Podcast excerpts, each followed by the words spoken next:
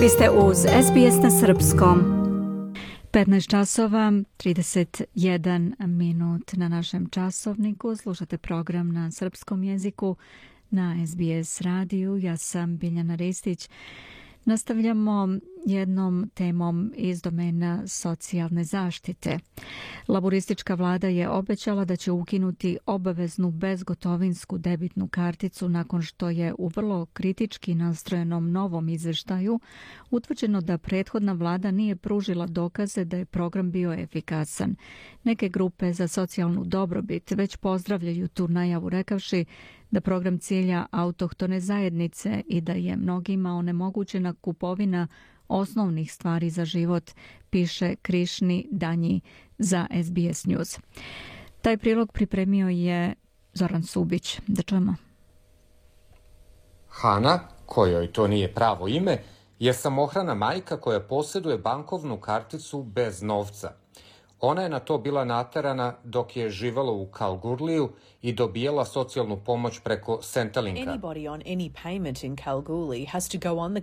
Svako na bilo kojoj socijalnoj pomoći u Kalgurliju mora da ima ovu karticu.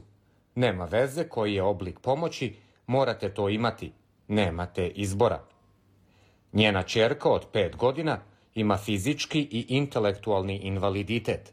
Vremenom se preselila na Sunshine Coast. Iako se preselila 4000 km daleko, u oblast u kojoj ne postoji ova proba kartice i dalje je zaglavljena u tom programu.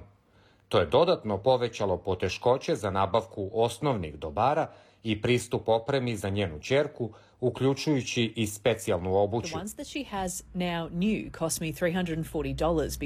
Ove koje sada posjeduje su me koštale 340 dolara, jer su prave ortopedske cipele, ali one koje su korišćene mogu da se nađu ispod 100 dolara, nekada i ispod 50 dolara.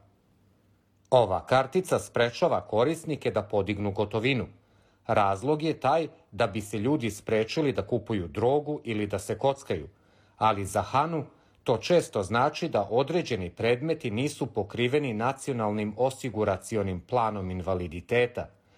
Izveštaj Australijske nacionalne kancelarije za proveru, koji je objavljen u četvrtak, a koji nije detaljan, je pokazao da prethodna koaliciona vlada nije pokazala da takva kartica uspešno funkcioniše – Izveštaj je pokazao da Odeljenje socijalnih usluga, koje vodi ovaj program, nije dokazalo da CDC program ispunjava namerene ciljeve i nije pokazalo ciljeve uspeha. Ministarka socijalnih usluga Amanda Rishford kaže da su dela vlade razočaravajuće. Nema dokaza koji sugestiraju da je ovo bilo efektivno. Ovo je bio trošak od 166 miliona dolara novca poreskih obveznika, a vlada čak nije postavila ni ciljeve i pravu procenu. Laburisti su obećali da će ukinuti ovaj program, ali ministarka Rishworth kaže da razmatra opciju da se ljudi dobrovoljno uključe.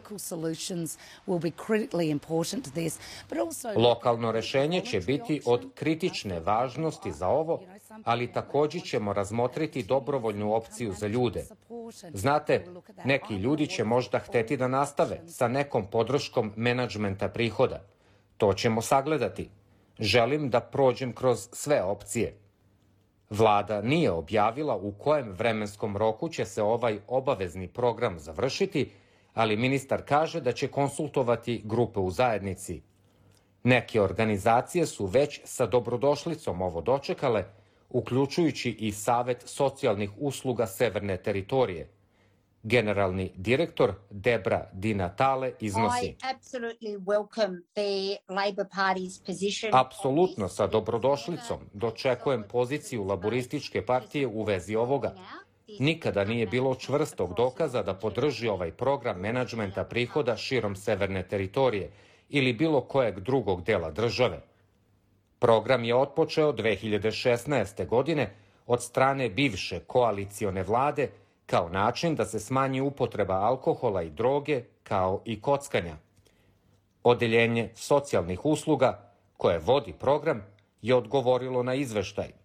Navodi da je ispitivanje pronašlo da postoji administrativni previd odeljenja za ovaj program, ali su odbili predlog nezavisnog pregleda druge procene, navodeći da ne postoji vrednost za takvu investiciju, jer je odeljenje već prihvatilo ograničenje.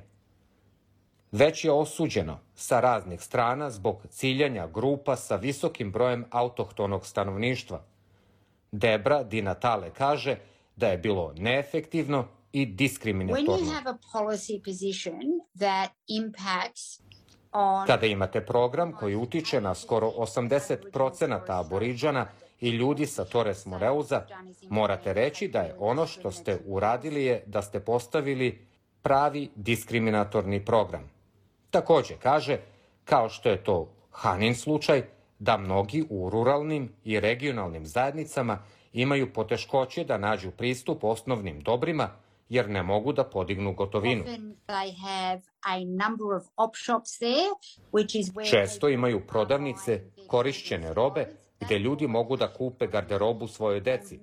Sve je to keš ekonomija, a ono što bankovna kartica bez keša čini je da isključuje te zajednice iz onoga što je u osnovi keš ekonomija. Hana je već dva puta pokušala da se isključi iz bezgotovinske bankovne kartice i to je bilo neuspešno. Sada se nada da će vlada da ukine ovaj obavezni program i da će dobiti nazad neku autonomiju. Želite da čujete još priča poput ove? Slušajte nas na Apple Podcast, Google Podcast, Spotify ili odakle god slušate podcast.